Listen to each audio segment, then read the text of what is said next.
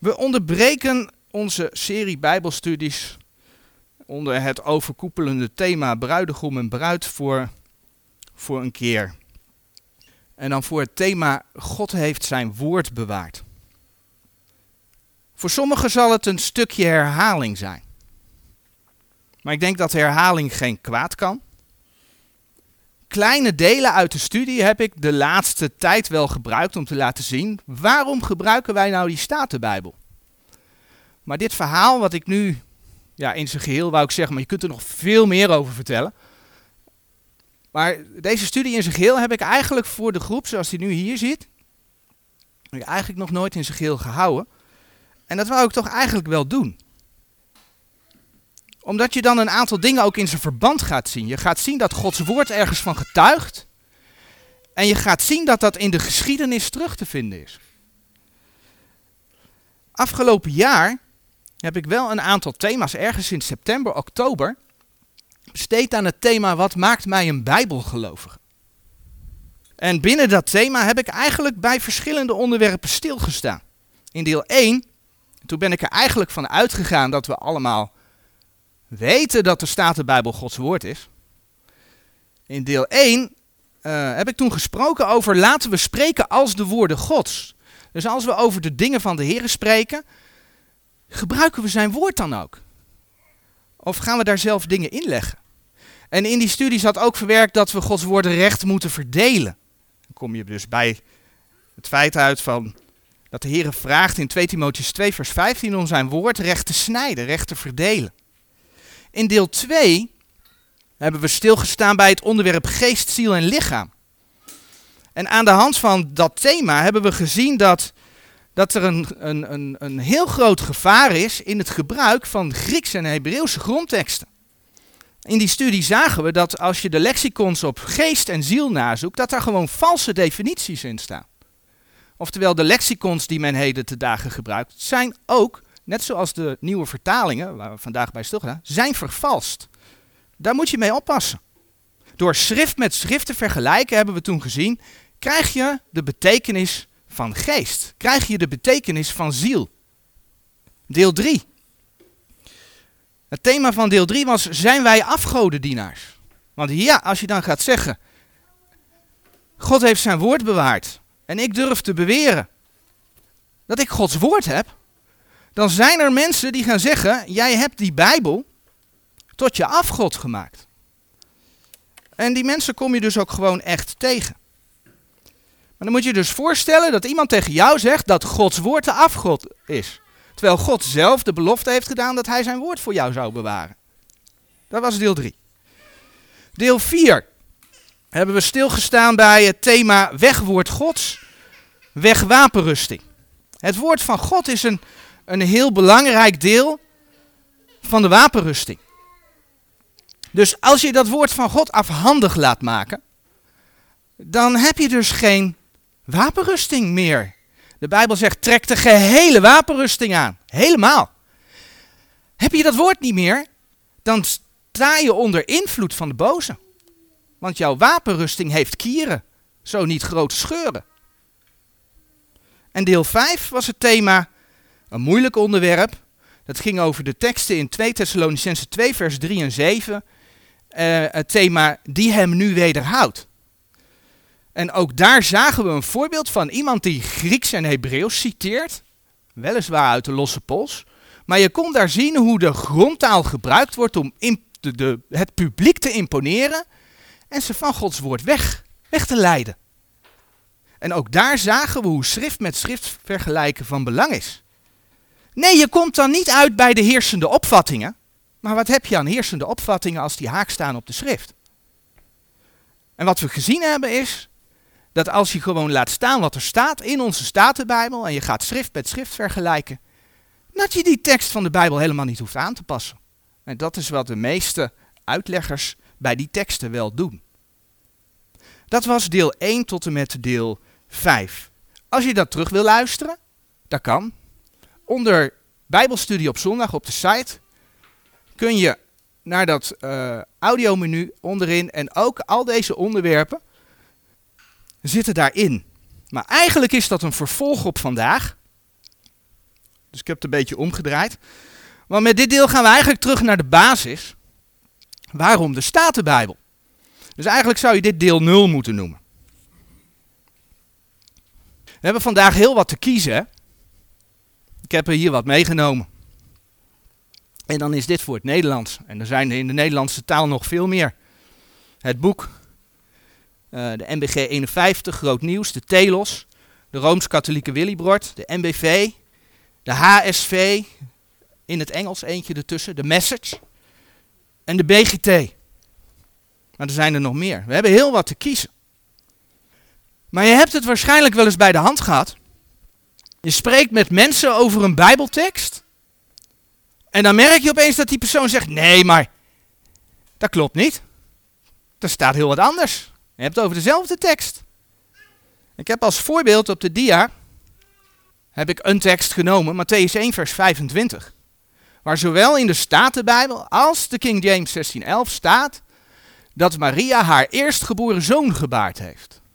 En in alle nieuwe vertalingen, bijna allemaal, in ieder geval in de NBG 51 in Groot Nieuws, in de NBV en in de BGT en in de Rooms-Katholieke Willybord, staat dat Maria een zoon gebaard heeft. Het eerstgeboren is weg.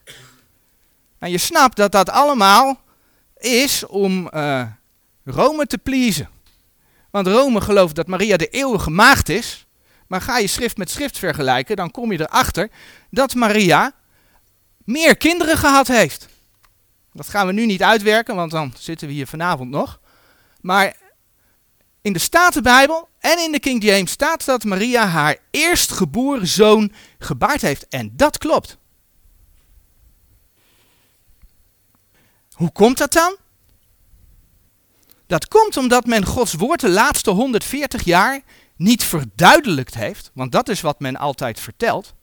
Ja, we moeten weer een nieuwe Bijbel maken, want de taal is vernieuwd. Het is allemaal zo onduidelijk geworden, dus we gaan het voor u duidelijker maken. Nou, dat leidt erin dat we tegenwoordig een Bijbel hebben die nog kinderlijker is dan Jip en Janneke, de BGT, en waar eigenlijk geen Bijbelwoorden meer in staan. Nee, men heeft Gods woord niet verduidelijkt, men heeft Gods woord veranderd. En dat is wat er gaande is en waarom ik ook deze ja, een stukje bijbelse geschiedenis en een stukje geschiedenis wil combineren om het een en ander te laten zien. Het feit is dat de Heer in zijn woord beloofd heeft om zijn woord voor ons te bewaren. De tekst staat op de dia, maar we gaan het even in onze eigen Bijbels lezen. Psalm 12. Psalm 12 en dan vers 7 en 8.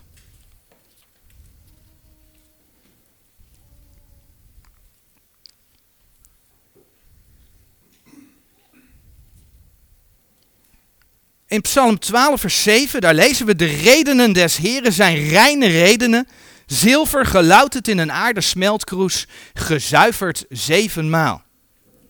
Gij, heren, zult hen bewaren. Gij zult hen behoeden voor dit geslacht tot in eeuwigheid. Dat hen verwijst terug naar vers 7, de redenen des Heren. Ga je dit opzoeken in een NBG 51 of een BGT? Dan zie je opeens dat daar staat dat God de mensen bewaard heeft.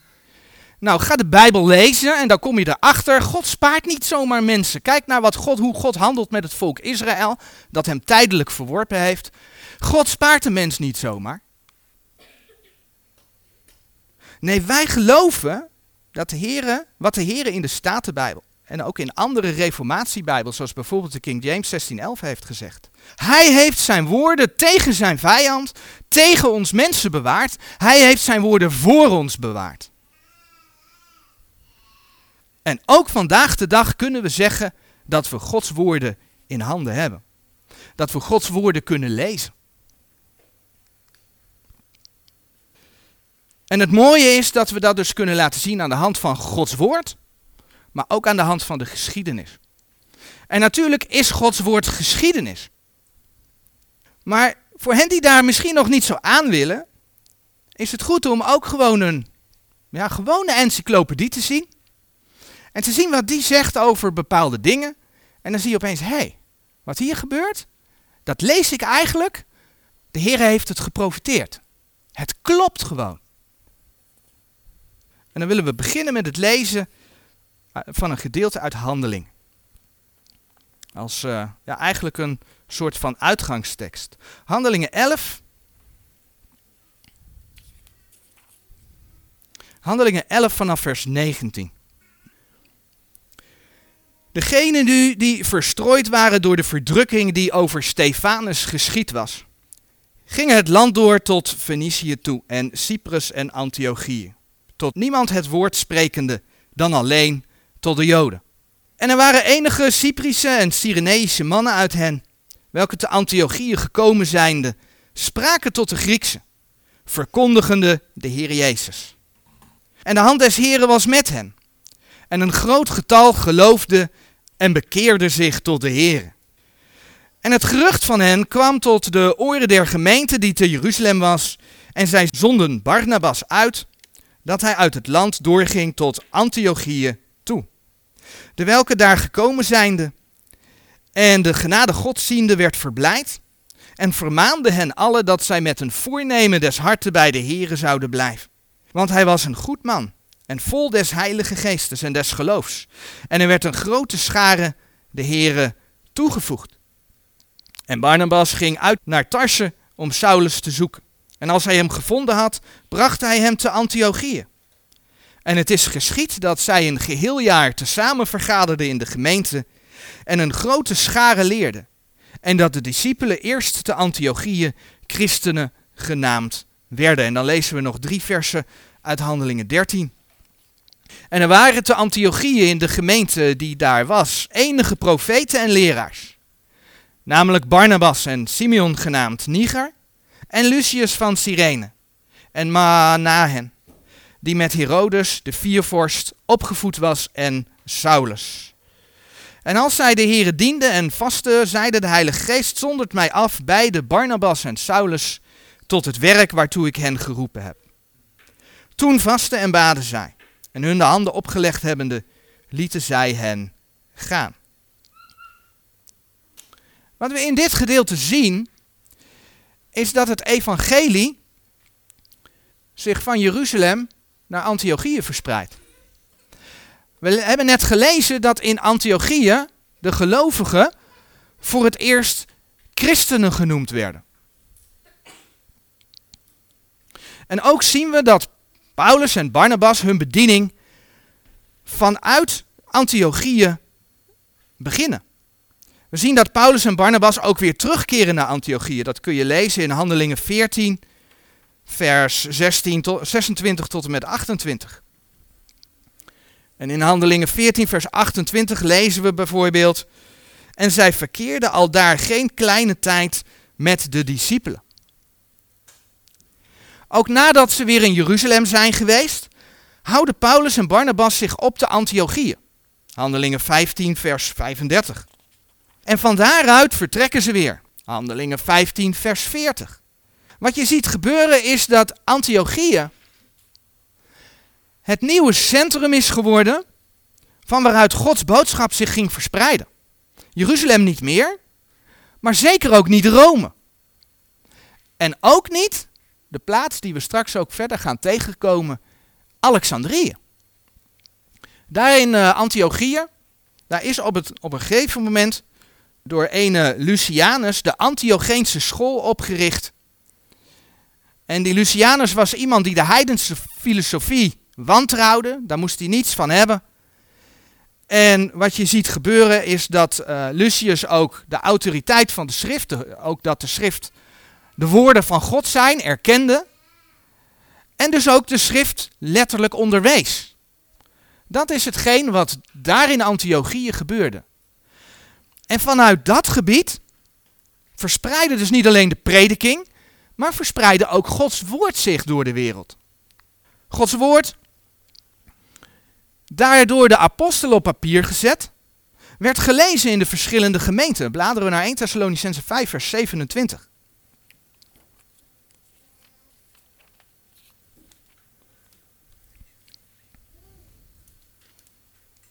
In 1 Thessalonicense 5 vers 27, Daar lezen we, ik bezweer u lieden bij de heren dat deze zendbrief al de heilige broederen gelezen worden. En dat die zendbrief niet alleen bij de bewuste gemeente bleef, maar als vermaning en opbouwing doorgestuurd werd naar andere gemeenten, dat blijkt bijvoorbeeld uit een, uit een tekst uh, als Colossense. Colossense 4 vers 16. Een paar bladzijden terug. Colossense 4 vers 16. En wanneer deze zendbrief van u zal gelezen zijn, maak dat hij ook in de gemeente der Laodicense gelezen wordt. En dat ook gij die leest die uit Laodicea geschreven is. De brieven gingen de verschillende gemeenten langs en werden door velen gelezen. De bedoeling was dat alle broederen, lazen we net, die brieven lazen, voorgelezen kregen. Ja, en daartoe werden die brieven gekopieerd. En aangezien dat met de hand gebeurde, spreken we dus over handschriften. Een iets moeilijker woord, manuscripten. En doordat die brieven lange reizen maakten, ja, waren ze onderhevig aan slijtage. En wat deed men? Als die brieven versleten, dan vernietigde men die brieven. Ja, waarom? Als ze, als ze versleten zijn, kun je de woorden niet goed meer lezen. Ga je het dan overschrijven? Dan ga je overschrijffouten maken. Dus men kopieerde de schrift en als die versleten was, dan werd het verbrand. Dan werd het vernietigd. En dat had dus een duidelijk doel. En ik heb de tekst niet op de dia staan. Als je 2 Timotheus erbij pakt, 2 Timotheus 3 vers 15. Willekeurig, een willekeurig uh, uh, organisatie, christelijke organisatie, als je die vraagt wat is Gods woord, dan zullen ze je meestal zeggen datgene wat in de oorspronkelijke handschriften staat. Maar die oorspronkelijke handschriften zijn er niet. En als je dan in 2 Timotheus 3 vers 15 leest over Timotheus, en dat gij van kinds af de heilige schriften geweten hebt, wat lees je daar? Timotheus had echt niet het originele boek wat Mozes geschreven had. Timotheus had een kopie. En dat kopie wordt hier genoemd de heilige schriften. Dus datgene wat doorgegeven wordt, de Heere God heeft zijn belofte gegeven om dat te bewaren. Dat woord is bewaard en dat is gewoon de heilige schrift. En dat is ook de schrift die ingeademd is. Niet de oorspronkelijke handschriften. Als je, als je dit vers bij, bij een andere, bij de meeste christelijke organisaties geeft, dan geven ze vers 16 voor de inspiratie van de schrift. Maar de schriften die Timotheus las in vers 15, die zijn door God ingegeven. Vers 16. Al de schrift is van God ingegeven. Dus Gods bewaarde woord is de door hem ingegeven schrift. Ik heb net het doel van de slijtage beschreven waarvoor dat nodig was. Bescherming tegen vervalsing en voor overs, uh, overschrijffouten. Dus vele van de handschriften die wij gevonden hebben, die uit die regio komen, die dateren dus uit de latere eeuwen. De 11e, de 15e eeuw. En de handschriften die uit die regio komen, die worden dan wel de Byzantijnse familie genoemd. En daaruit is de Textus Receptus voortgekomen. Wordt ook wel de meerderheidstekst genoemd of de Antiocheense tekst genoemd. Gaat allemaal over hetzelfde. Nou, en als men dan rekent dat er zoveel manuscripten zijn, en dat zoveel manuscripten, zoveel handschriften, behoren tot die meerderheidstekst, dan weet je dus dat 99% van alle handschriften de meerderheidstekst zijn. En die is belangrijk om vast te houden. Die handschriften, die 5210, die vertonen een hele grote mate van overeenkomst. Die zijn gewoon nauwkeurig bewaard. Zijn een betrouwbare getuige van het woord van God. Maar ja, hoe weten we dan? Dat de teksten uit vooral de 11e en de 15e eeuw nog betrouwbaar zijn. Dat is namelijk een, ja, een veelgehoorde aanklacht tegen de Statenbijbel, tegen de King James 1611. We hebben veel oudere handschriften gevonden. En dan redeneert men, ouder ligt dus dichter bij de bron. Maar dat is niet waar. Het punt is dat Gods woord in de vroege geschiedenis al reeds in verschillende talen de wereld overging. Wij zijn gewend, oh we moeten altijd bij Grieks en Hebreeuws zijn. Maar Gods woord, Handelingen 2, Handelingen 2 vers 5 en 6, daar zie je dat God al in verschillende talen de mensen aanspreekt. Door de gave van de vreemde talen. En dan komt het, Paulus die meldt in Romeinen 16, vers 25 en 26, dat de schriften al heel vroeg, hè, Romeinen komt uit ongeveer 60 na Christus, onder al de heidenen bekend is gemaakt. Romeinen 16, vers 25 en 26, die gaan we even lezen. Hem nu die machtig is u te bevestigen naar mijn evangelie en de prediking van Jezus Christus, naar de openbaring der verborgenheid, die van de tijden der eeuwen verzwegen is geweest. Maar nu geopenbaard is en door de profetische schriften, naar het bevel des eeuwige Gods, tot gehoorzaamheid des geloofs, onder al de heidenen bekend is gemaakt. Gods woord ging al heel vroeg de wereld over. En ja, dan weten we dat er in, uh, dat vanuit Antiochieën Gods woord de wereld over ging. Dan hebben we het over Syrië. En er is bekend dat al in 150 na Christus de Peshitta, de schrift, daar circuleerde. En het mooie is dat die Peshitta getuigt van de tekst zoals wij die kennen in onze Statenbijbel of in de King James. In de Reformatiebijbel. Zo ging Gods woord al heel vroeg in de, in de Latijnse taal de wereld over. Want Latijn was toen ook heel bekend. En als we het dan over de oude Latijnse tekst hebben, die toen de Vulgaat genoemd werd. En ik zeg meteen, dat is wat anders dan de Vulgaat die meestal aangehaald wordt van Hieronymus. Kom ik straks op terug. Maar die oude Latijnse tekst, die bekend was van volken in Europa. De Vaudois, de Waldensen, de Albigensen en, en vele andere, kun je wel bijbelgelovige groeperingen noemen. Want ze hielden zich aan de schrift vast.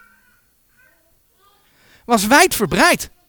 En die oud-Latijnse tekst getuigt opnieuw van de tekst zoals wij die kennen in de Statenbijbel of de King James. Maar we hebben niet alleen het Syrisch, de Peshitta, we hebben niet alleen de Latijnse tekst. We hebben ook voorbeelden van de Gotische tekst. Dat gaat terug tot 350 na Christus. En die gotische tekst laat zien dat alle veranderingen, de nieuwe vertalingen, dat je die weg kunt doen. Want de gotische tekst getuigt van de Statenbijbel. De Angelsaksische tekst uit 700 na Christus laat zien dat je al die vernieuwingen niet nodig hebt, want de Angelsaksische tekst getuigt van de Statenbijbel. Van de Textus Receptus, de Griekse tekst waar de Statenbijbel uit voortkomt. En zo zie je dus dat er heel veel bewijzen zijn dat alle huidige veranderingen niet nodig zijn. Beter gezegd, dat dat Gods woord niet is. Hier zie je een plaatje. Eigenlijk, je kunt het niet heel goed zien, maar hier zie je eigenlijk een boom getekend.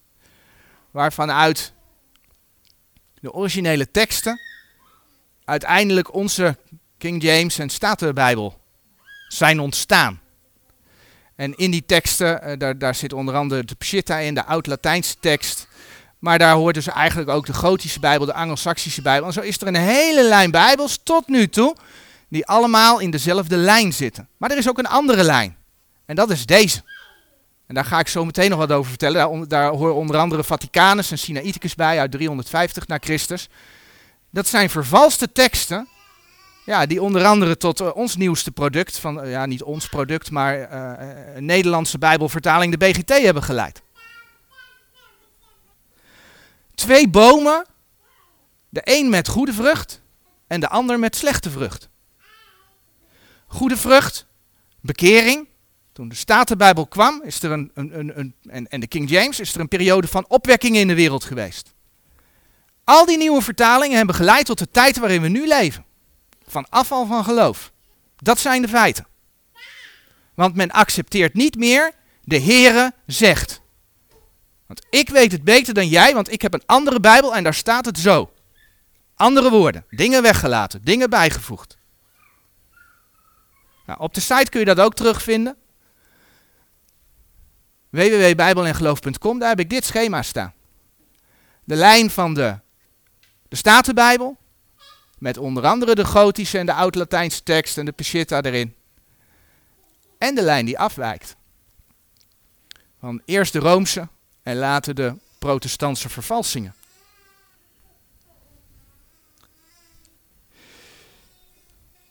Dus hoe komt het dan dat er tegenwoordig zoveel nieuwe vertalingen komen die onderling eigenlijk best wel verschillend zijn, maar eigenlijk gemeenschappelijk hebben dat ze samen, want je ziet bepaalde wijzigingen iedere keer terugkomen, samen eigenlijk tegenover ja, de Reformatiebijbel staan. De King James, de Statenbijbel. Waar komt dat vandaan? En daarvoor is het dus nodig om een stukje geschiedenis te kennen. Maar ook te weten wat Gods woord over die geschiedenis zegt. De verschillen van de laatste 150 jaar, ongeveer, hè, vanaf 1881 naar Christus zo'n beetje, die zijn helemaal niet nieuw. Dat, zijn, dat is gewoon oud. het is het verschil, je zag net die twee, die twee takken, het is eigenlijk het verschil tussen twee soorten Bijbels. Je hebt de Roomse Bijbels en je hebt de Reformatiebijbels. Dus het verschil tussen de Roomse en tussen Gods Woord. Niet omdat de hervormers zoveel beter waren, maar omdat God de geschiedenis geleid heeft en de Reformatie gebruikt heeft om ons Gods Woord te geven, terug te geven eigenlijk. Daarom zeg ik ook vaak, als je naar de GBS gaat, goede statenbijbel kopen, koop er dan één zonder de kanttekeningen. Tenzij je vanuit nieuwsgierigheid en ook wilt weerleggen waarom je niet bij uh, de uitverkiezing terecht moet komen, dan kun je de kanttekeningen erbij pakken. En dan kun je zien. Maar in principe, koop een statenbijbel zonder de drie formulieren en zonder de kanttekeningen, want dat is allemaal wat mensen erbij gemaakt hebben. Het gaat om de Statenbijbel.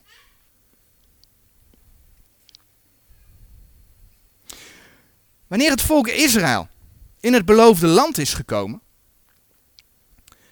een klein stukje Bijbelse geschiedenis om te begrijpen waarom we niet bij Alexandrië moeten zijn. Wanneer het volk Israël in het beloofde land is gekomen en zij willen een koning als de volken, dan moeten zij iemand tot koning stellen die de Heer voor hen zal uitkiezen. Deze koning mag onder andere geen paarden uit Egypte halen. Je vindt dat in Deuteronomium 17. Deuteronomium 17, vers 16 bijvoorbeeld. Gedeelte van vers 14 tot vers 20 gaat over de koning. En dan lees je in Deuteronomium 17, vers 16. Maar hij zal voor zich de paarden niet vermenigvuldigen en het volk niet doen wederkeren naar Egypte, om paarden te vermenigvuldigen, terwijl de Heer uw lieden gezegd heeft, gij zult voortaan niet wederkeren door deze weg. Dat was een opdracht voor het volk Israël. Zij mochten niet terug naar Egypte. Wanneer de Galdeeën Jeruzalem hebben ingenomen, is een overblijfsel van het, bang, uh, van het volk bang voor de Galdeeën voor de koning van Babel. En dat, wil naar, dat deel dat wil naar, het, naar Egypte vluchten. Je leest dat onder andere in Jeremia, Jeremia 41, vers 17.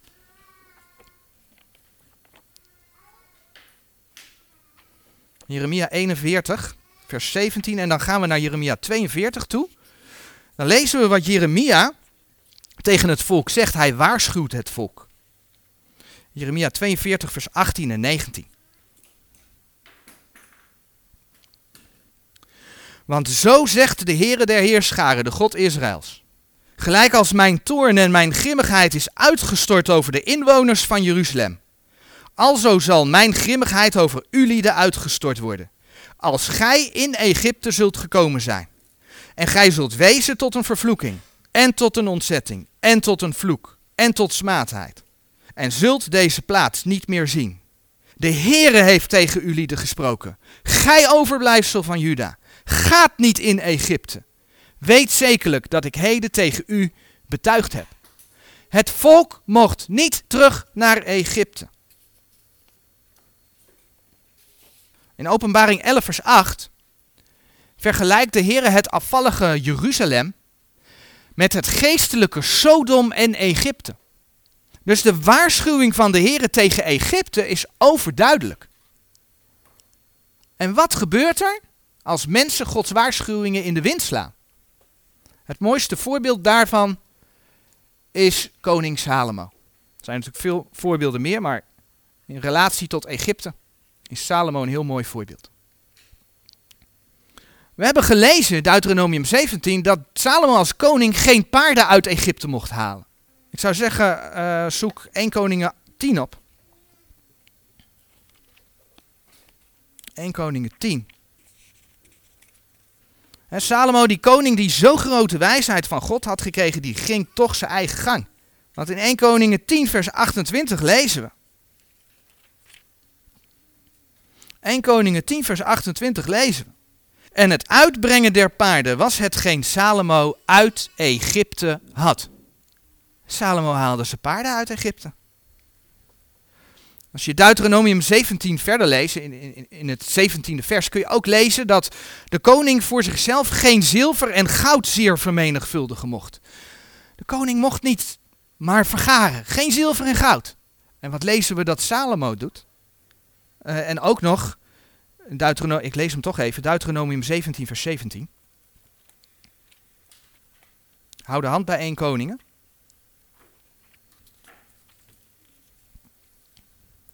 Ook zal hij voor zich de vrouwen niet vermenigvuldigen, opdat zijn hart niet afwijken.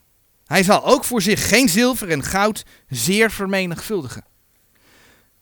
Dus hij mocht ook de vrouwen niet vermenigvuldigen. Maar wanneer je 1 Koningen 10, vers 14 tot en met 29 doorleest, dan zie je dat koning Salomo goud en zilver wel degelijk vermenigvuldigde. En laten we dan 1 Koningen 11, vers 1 tot en met 4 lezen. Dan weet je wat koning Salomo ook nog meer deed. En de koning Salomo had vele vreemde vrouwen lief. En dat benevens de dochter van Farao. Zijn vrouw had hij ook uit Egypte. Eén van zijn vrouwen. Want verder had hij Moabitische, Ammonitische, Edomitische, Sidonische, Hethitische. Van die volken waarvan de Heer gezegd had tot de kinderen Israëls: Gij lieden zult tot hen niet ingaan en zij zullen tot u niet inkomen. Zij zouden zekerlijk uw hart achter hun goden neigen.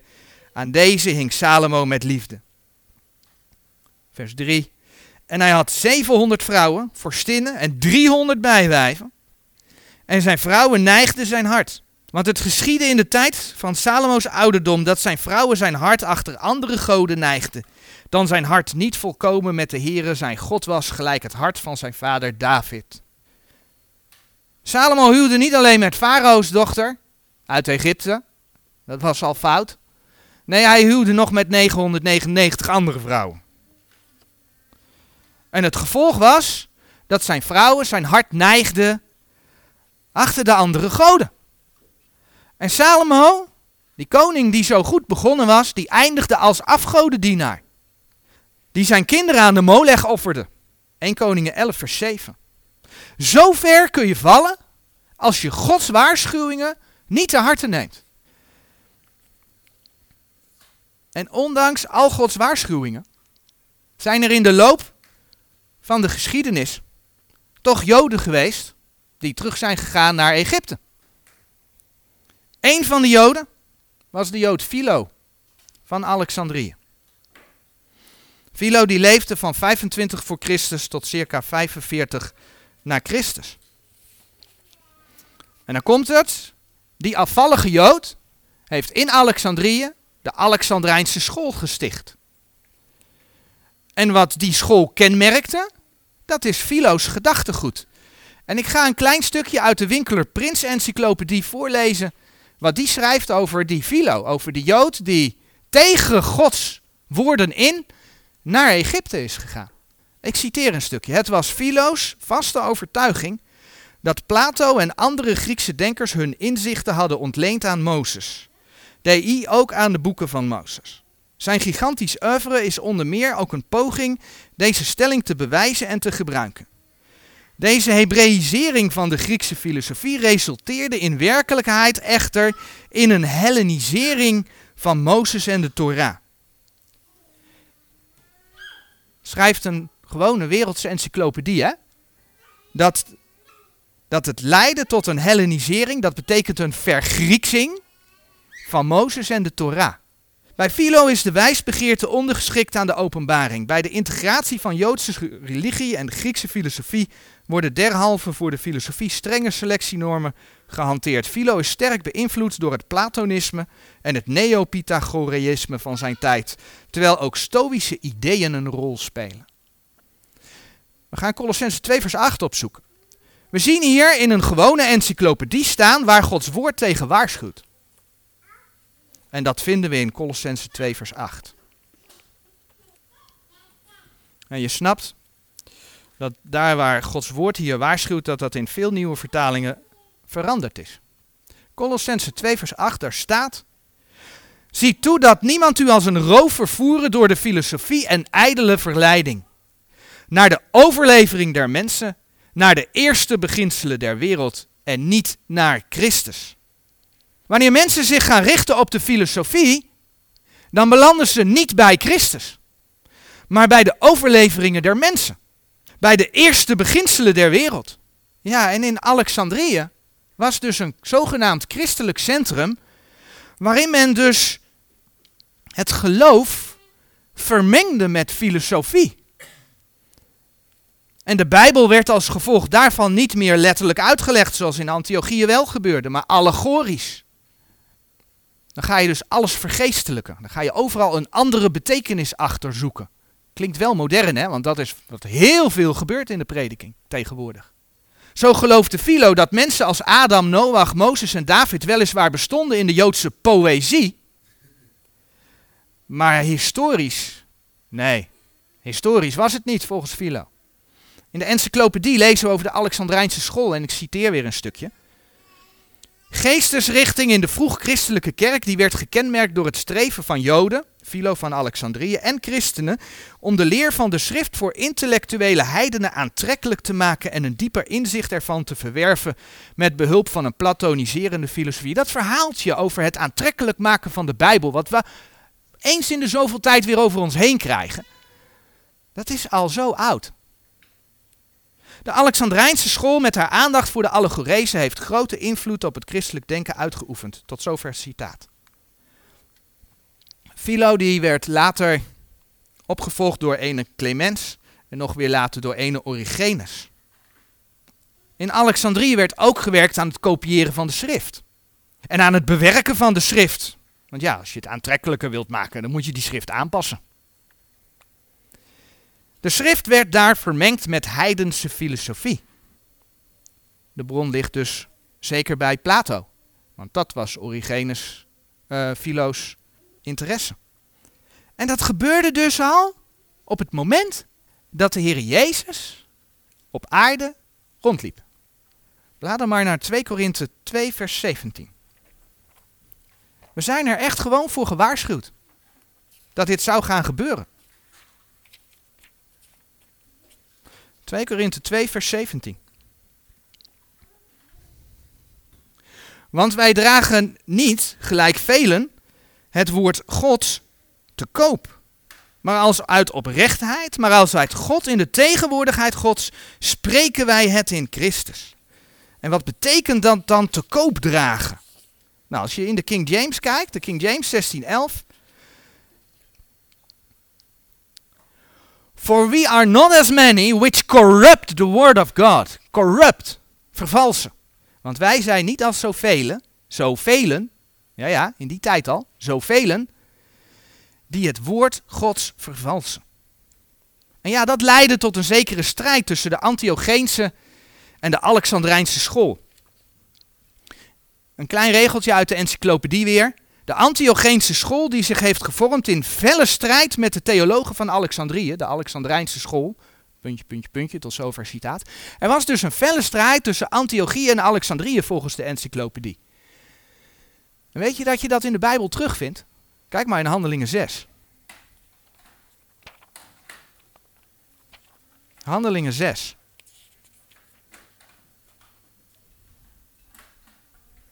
In Handelingen 6, vers 5, daar lezen we.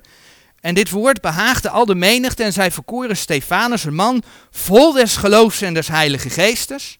En Filippus en Progoros en Nicanor en Timon en Parmenas en Nicolaas, een jodengenoot van Antiochië.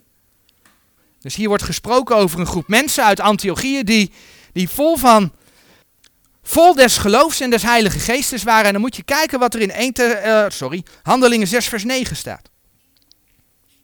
En er stonden sommigen op, stonden op sommigen, die waren van de synagoge genaamd der Libertijnen en der Cyreneërs en der Alexandrijnen en dergenen die van Cilicië en Azië waren. En twisten met Stefanus. Daar heb je de twist. Onder andere de Alexandrijnen die twisten met de gelovigen te Antiochieën. Het getuigenis van de schrift over Egypte en Alexandrië mag duidelijk zijn. Opnieuw, ook hier blijkt het weer. Philo en velen met hem sloegen Gods waarschuwingen in de wind. En waar men uitkomt, niet bij Christus, maar bij de overleveringen der mensen, bij de eerste beginselen der wereld, in ongehoorzaamheid aan Gods woord. En uiteindelijk bij afgoderij. Daar gaan we zo nog een paar voorbeelden van zien. In navolging van Philo werkte Origenes aan die Alexandrijnse school. En ook hij was daar bezig met het kopiëren en vervalsen van de schrift. Er zijn een aantal van die handschriften bekend. De ene heet Codex Vaticanus. Die heet zo omdat hij bekend is van het Vaticaan. In het Vaticaan sinds 1475 na Christus. Men dateert dat op 350 na Christus. Een andere is Codex Sinaiticus gevonden in 1844 na Christus. Die dateert men ook rond 350 na Christus. Ze zijn goed bewaard gebleven. Voor Sinaiticus, ja, het Egyptische klimaat heeft hem goed bewaard. Maar als je die handschriften gaat lezen, gaat bekijken, dan blijken daar heel veel overschrijffouten in te zitten. Daar blijken uh, uh, wijzigingen aangebracht te zijn, soms stelselmatig op verschillende plaatsen. Uh, voor Sinaiticus geldt dat er, dat er minstens tien verschillende personen aan gewerkt moeten hebben. En wat die boeken ook kenmerkt, is dat ze de apocryfe boeken bevatten.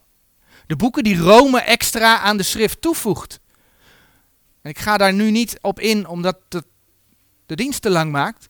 Maar de Heer Jezus bevestigt de Hebreeuwse kanon op een aantal plaatsen. Onder andere Matthäus 23, vers 35 en Lucas 24, vers 44 tot en met 45. En daar horen de apocryfe boeken niet bij.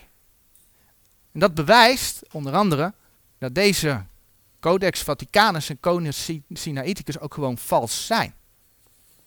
Deze codex, codex, is het geloof ik in het meervoud, lijken veel op elkaar, maar verschillen in grote mate van de meerderheidstekst. En er wordt zelfs aangenomen dat beide handschriften afstammen weer van hetzelfde origineel en dat uh, beide ook geschreven zouden zijn door dezelfde persoon. En dan komt hij. Van de 5255 manuscripten zijn er slechts 45 die van dit teksttype getuigen. Dat is 1% van de handschriften. Van de Alexandrijnse ja, minderheidsfamilie.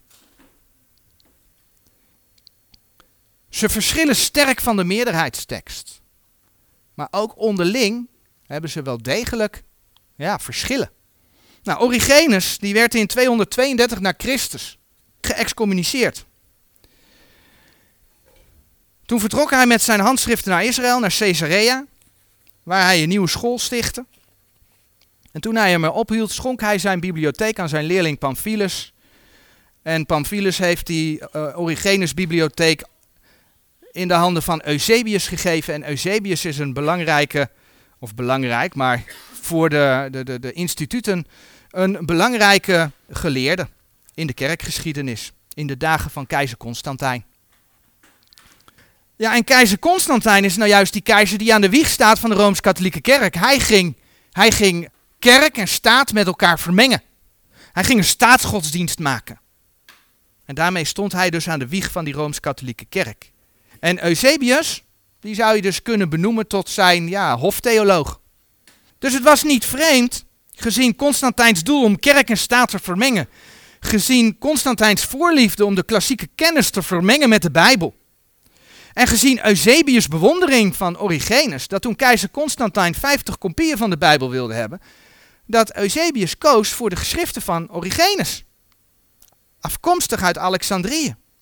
En het wordt dus door velen aangenomen dat Vaticanus en Sinaiticus twee van die kopieën zijn, die daar hun oorsprong vinden. Maar de Rooms-Katholieke Kerk in wording had een probleem. Ik noemde het al, Gods woord is in heel veel talen de wereld over gegaan. Gods woord verspreidde zich over heel Europa. De meerderheidstekst, zoals we die nu kennen in de Textus Receptus, was er in Grieks, hij was er in Syrisch, hij was er in Latijn. Hij was er in het Gotisch. Dus om de macht steviger naar zich toe te trekken, oud-Latijnse tekst werd vulgaat genoemd, hè? hou dat vast. Maar om de macht naar zich toe te trekken, kreeg Hieronymus de opdracht in 380 na Christus om de Bijbel in het Latijn te vertalen, op basis van de Griekse tekst van Constantijn, op basis van Vaticanus en Sinaiticus. En er zijn dus, er is dus bekend dat onder andere ene Helvidius hem al beschuldigde dat hij dat deed aan de hand van vervalste Griekse handschriften. En je snapt hoe die nieuwe Latijnse Bijbel ging heten. Die nieuwe Latijnse Bijbel van Hieronymus werd de Vulgaat genoemd. Om de mensen te laten geloven dat dit het ware woord van God was. Op elk van deze staat Bijbel. Om te laten geloven dat je hier het woord van God mee hebt. Maar dat heb je niet. Je hebt een vervalsing te pakken. Men heeft er dus doelbewust naar gestreefd om Gods woord te vervalsen.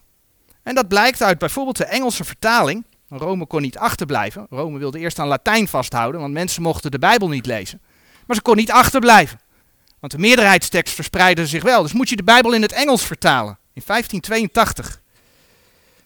En het voorwoord in die Engelse vertaling, daar staat geschreven, en ik citeer een stukje. Het is bijna 300 jaar geleden dat James, de aartsbisschop van Genua, de Bijbel in het Italiaans vertaald heeft. Maar dan 200 jaar oh, meer dan 200 jaar geleden werd het getrouw in het Frans vertaald om zo snel mogelijk de valse ketterse vertaling van de secte der Waldensen uit de handen van de misleide mensen te slaan. Rome had wel degelijk het doel om mensen Gods woord af te pakken. Zijn ze nog steeds mee bezig, heel hard. Die vulgaat van Hieronymus, is de Rooms-Katholieke Bijbel van de middeleeuwen geworden. Er wordt vrij algemeen vaak beweerd dat het de Rooms-Katholieke Kerk is die de Bijbel aan de mensen heeft gegeven, aan de wereld heeft gegeven. Maar dat is gewoon absoluut niet waar. De Bijbel kwam door zendelingen uit Syrië en Klein-Azië naar Europa toe. Rome gaf de wereld een onzuivere tekst, met duizenden versen aangepast en met extra boeken om haar eigen onbijbelse leer te kunnen verdedigen. En we weten waar dat toe geleid heeft. Net als bij Salomo. Daar hebben we over gelezen. Salomo belandde in de afgoderij. Ik heb een paar plaatjes op de dia gezet. De koningin des hemels, Maria, werd vereerd. Heilige verering werd ingevoerd. Het Bijbels avondmaal werd een of andere mystieke eucharistieviering. Heidense feesten kregen een christelijk, christelijk sausje. Waardoor christenen zelfs vandaag de dag nog heidense feesten vieren. En ga zo maar door. En weet je waar dat ook toe leidde? Dat bijbelgelovende christenen, denk aan de groepen als de Vaudois, de Waldensen, de Albigensen, de Anabaptisten, die werden vervolgd, en zwaar ook. Miljoenen werden gemarteld en vermoord en bijbels werden verbrand. Dat is Rome. De reformatie brak pas echt door nadat de ontvangen tekst in de Textus Receptus hersteld was. En het was notabene een Nederlandse geleerde, Erasmus, die daar heel druk mee is geweest. Hij heeft de Textus Receptus samengesteld en daarmee de Bijbeltekst, ja, de ontvangen tekst, eigenlijk hersteld. Hij had honderden handschriften te bestuderen. En dat deed hij, maar uiteindelijk gebruikte hij maar enkele voor zijn Textus Receptus. En dat wordt hem wel eens verweten. Maar weet je, als al die handschriften zoveel op elkaar lijken, is het helemaal geen probleem als je er enkele uitkiest. De handschriften die Erasmus gebruikte verschilden slechts in kleine details. Vaak wordt gezegd dat hij dat snel en onnauwkeurig gedaan heeft. Maar hij heeft vijf verschillende edities uitgebracht. De latere zijn voor de diverse reformatiebijbels gebruikt. En tevens wordt vaak gezegd dat er in die tijd nog niet zoveel kennis was. Wij zijn natuurlijk veel knapper. Niet zoveel kennis over de handschriften. En dat men destijds niet zoveel beschikking had over het materiaal. Maar als je een beetje in Erasmus gaat verdiepen, dan weet je dat Erasmus alle bibliotheken in Europa afreisde. Daar kun je, dat, kun je achterkomen. Erasmus had beschikking over Codex Vaticanus. Daar, daar, daar correspondeerde hij onder andere met ene professor Paulus Bombastius over.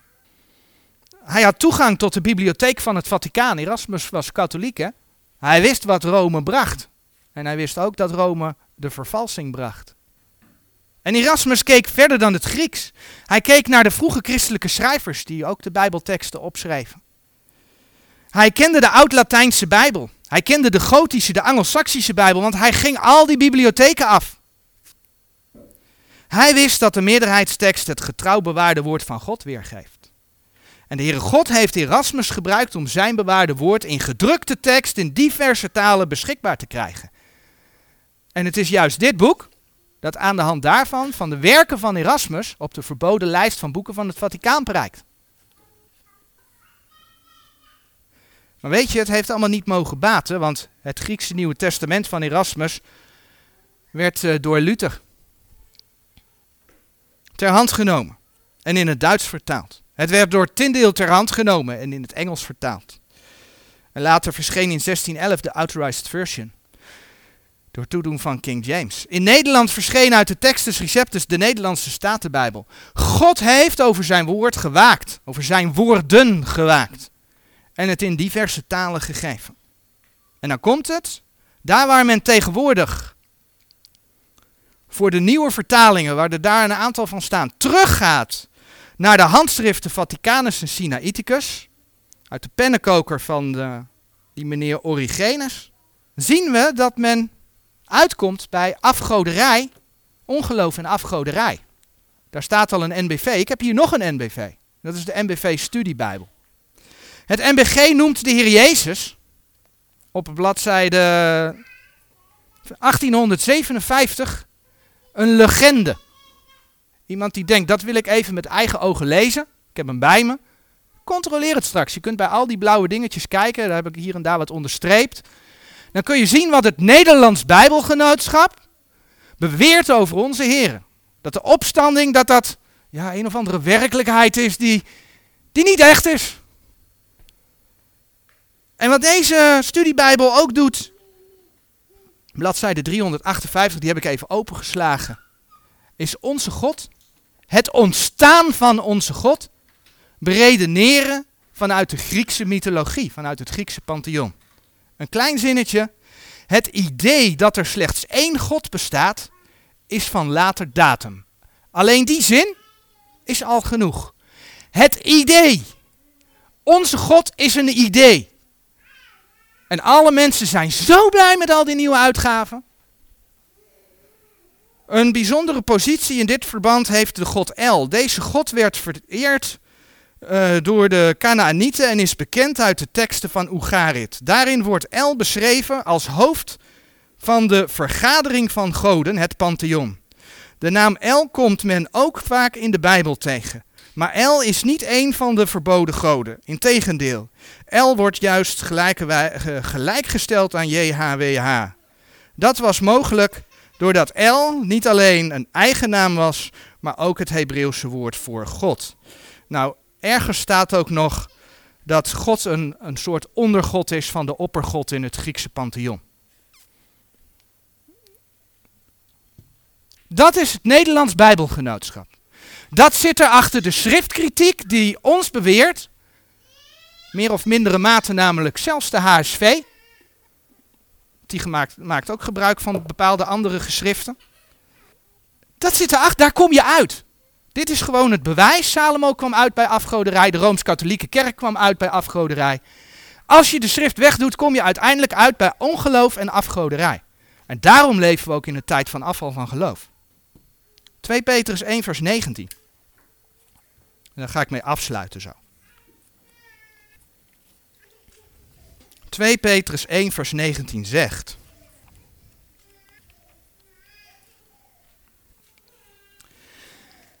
En wij hebben het profetische woord dat zeer vast is. Zeer vast is. En gij doet wel dat gij daarop acht hebt als op een licht schijnen in een duistere plaats, totdat de dag aanlicht en de morgenster opga in uw harten. En wij hebben het profetische woord dat zeer vast is. Openbaring 22 vers 6. 22 vers 6. En hij zeide tot mij, deze woorden zijn getrouw en waarachtig. Weet je, de wetenschap die zegt heel vaak, de theologie beheert heel vaak, we weten niet. Het meest waarschijnlijke is dat, een andere opvatting, wij zouden moeten denken aan of meestal wordt aangenomen. En weet je waar de Bijbel over spreekt? Lucas 1 vers 1, volkomen zekerheid. Lucas 1 vers 3, het is naarstig onderzocht. Johannes 17 vers 17, de waarheid. Handeling 1 vers 3, vele gewisse, gewisse zeker, gewisse kentekenen. 1 Timotheus 3 vers 16, buiten alle twijfel. En we hebben net gelezen, 2 Petrus 1 vers 19, dat zeer vast is. Ik geloof op grond van Psalm 12 vers 7 en 8 dat God zijn woord voor ons bewaard heeft. En daarom gebruik ik, gebruik ik gebruiken we hier de Statenbijbel. Tot zover voor vandaag. Amen.